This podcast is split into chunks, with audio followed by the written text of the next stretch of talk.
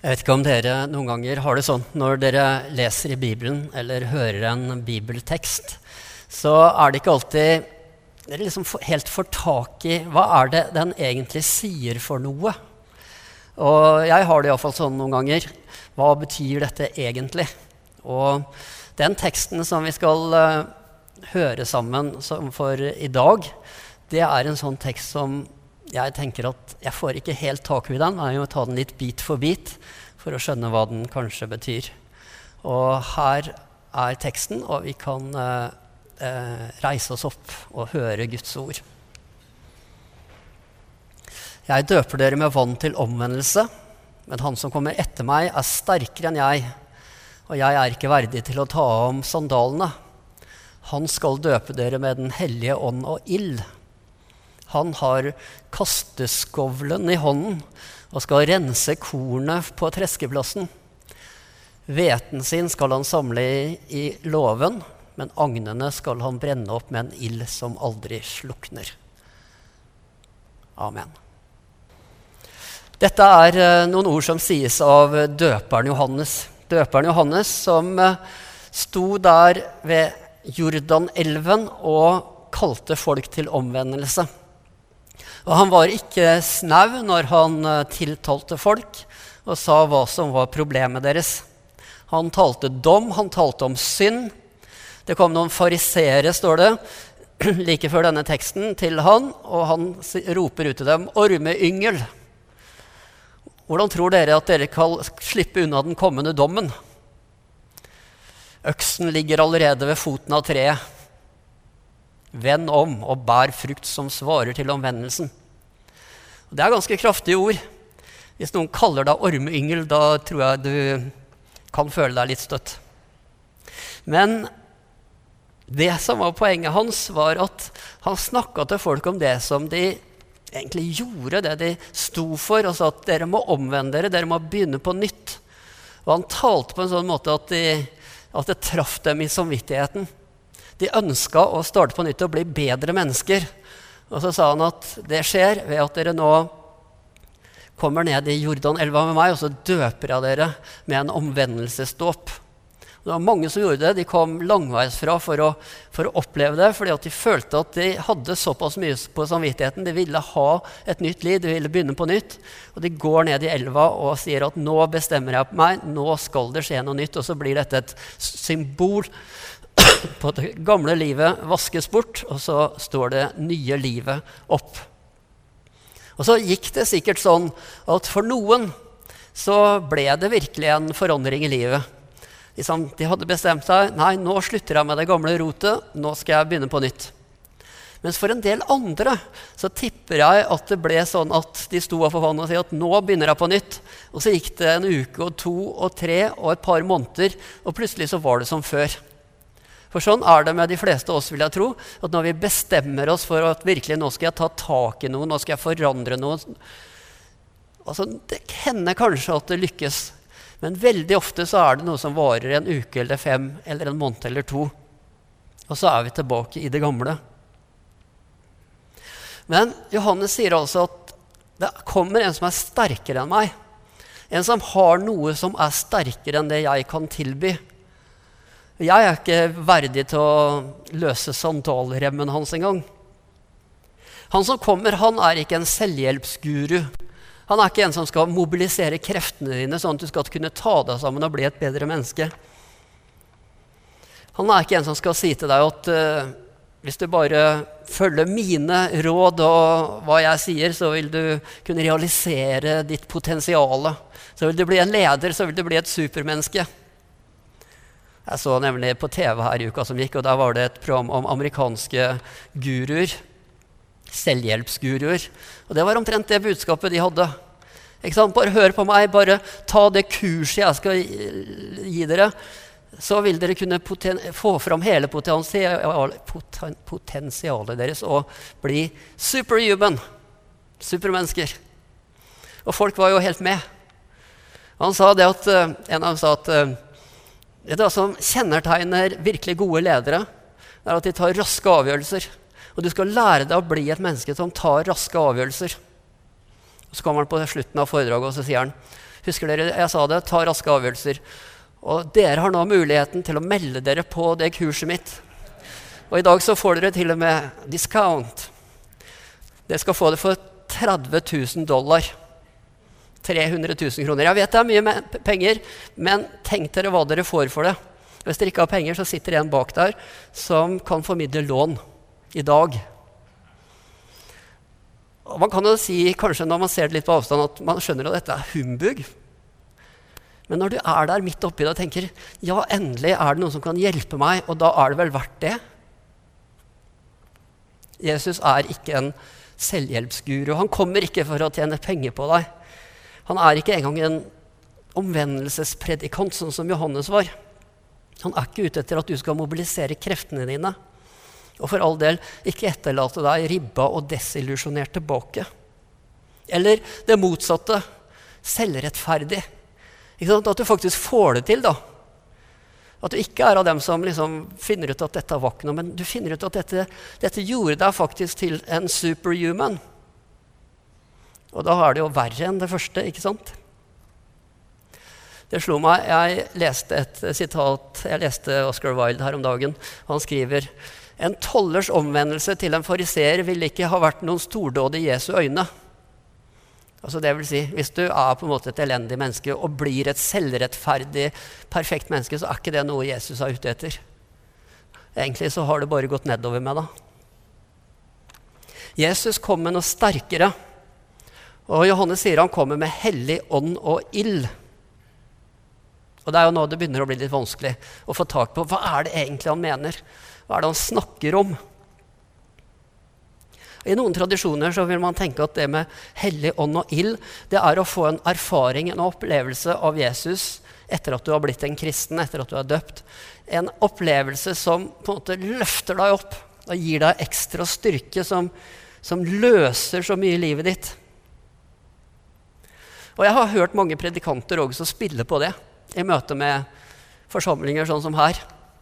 At hvis du føler at du ikke er tilfreds med livet ditt, Heller ikke med livet ditt som en kristen. Hvis du føler at, du, at det er noe mer der, at du lengter etter noe mer. Hvis du føler at du vil ha seier i livet ditt, ikke bare masse nederlag, ikke bare rote med det du driver med, men komme over i den kategorien som sier en seirende, ordentlig bra kristen. Da skal du komme fram her, og skal jeg be for deg.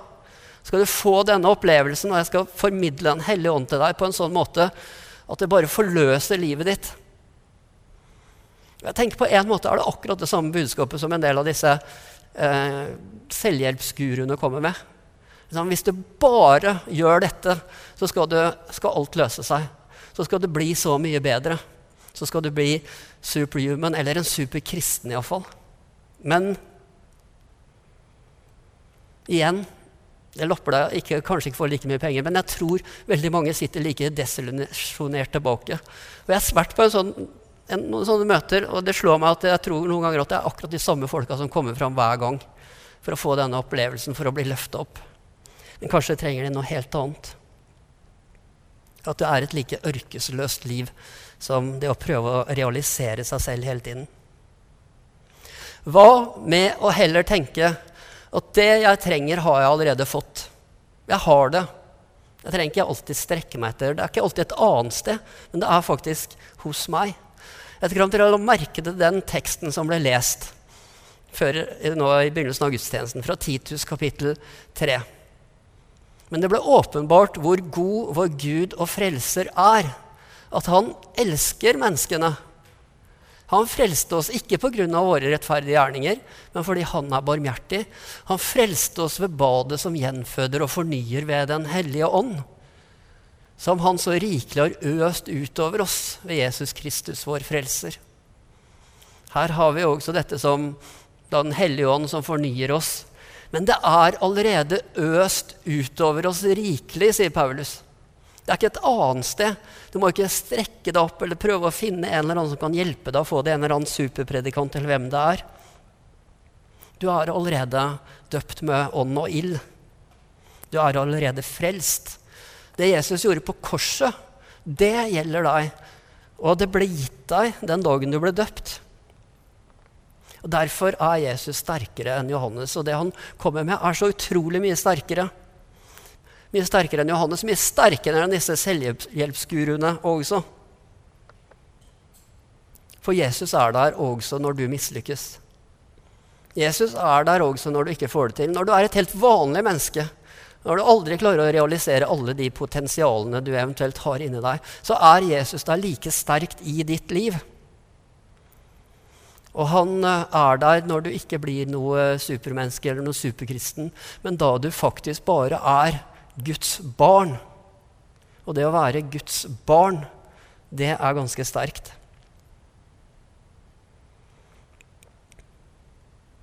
Og så sies det også i, i, teksten her, og nå fortsetter det å være vanskelig Han har kasteskovlen i hånden og skal rense kornet på treskeplassen. Hveten sin skal han samle i låven, men agnene skal han brenne opp med en ild som aldri slukner. Og dette bildet her De fleste av oss er jo ikke bønder, og om vi er det, så driver vi ikke med jordbruk som på den tida. Men her er det altså noen som bruker kasteskovlene sine og skiller hveten fra agnene. Og Poenget er at agnene er lette, og de skal blåse bort, og hveten skal falle ned i sin tyngde. På hytta vår så har vi en parasoll som skal eh, skjerme oss for solen. Kan være godt å ha i disse dager. Og den står i en uh, slags uh, fot som er av plastikk. Som er lett som en fjær. Så hvis det blåser, så blåser den bare av gårde. Den er i og for seg helt ubrukelig. Men det er ett poeng med den, og det er at den skal fylles med vann. Når den er full av vann, så er den ganske tung. Da kan du nesten ikke løfte på den. Og sånn tenker jeg det er å bli fylt av dåpens vann for oss. Altså, det er noe som fyller livet ditt, og som du har der, og som gir deg en tyngde. Og så er jo det flotte med vann at det er det som kan få ting til å gro. Hvis du ser ute nå, det begynner å tørke, så det som trengs, er vann. Vann som gir Eh, plantene det de trenger. Du er fylt med dåpens vann. Du har det som trengs for at det skal gro og vokse rundt deg. Når det står rett før dagens tekst 'bær da frukt som svarer til omvendelsen', så er jo utfordringen også vår 'bær frukt som svarer til det du har fått i livet ditt'.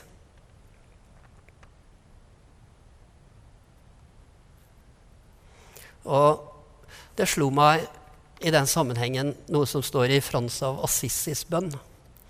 Og det er at det er den som glemmer seg selv, som finner seg selv. At idet vi hele tiden er, går rundt og sentrerer rundt oss selv og skal finne ut hvem vi er, og hvordan jeg skal realisere meg selv, og hvordan jeg skal bli bedre, sterkere, flottere Så det som vi mister av syne, er egentlig medmenneskene våre. Og det Jesus gjør, er å prøve å få det til å snus rundt. Og si at prøv å ikke være så opptatt av deg sjøl. Det er ikke viktig. Det er ikke viktig hvor mye du klarer å realisere deg selv, eller hva som helst, men det som er viktig, er at du faktisk kan se medmenneskene dine og bruke livet ditt i tjeneste for dine medmennesker. Og det rare er at når det skjer, så begynner vi kanskje faktisk å blomstre opp sjøl på en helt annen måte enn når vi hele tiden tenker innover og prøver å finne ut hvem jeg er.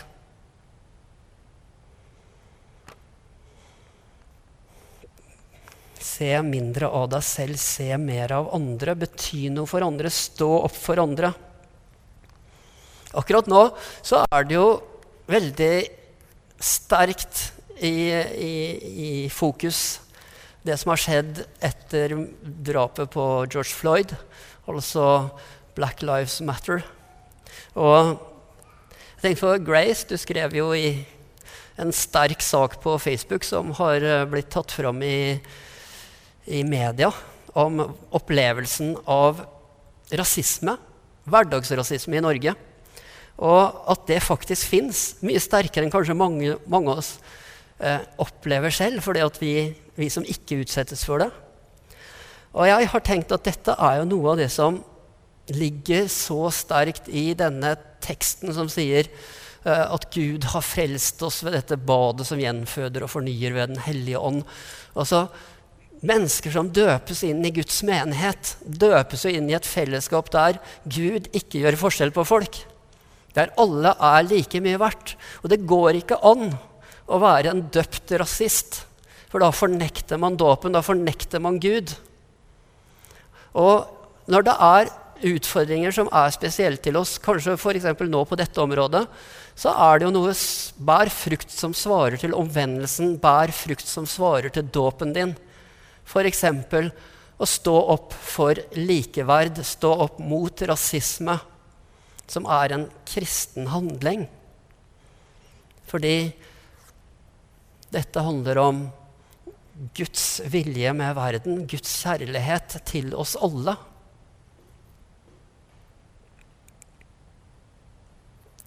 Søk tyngde i livet.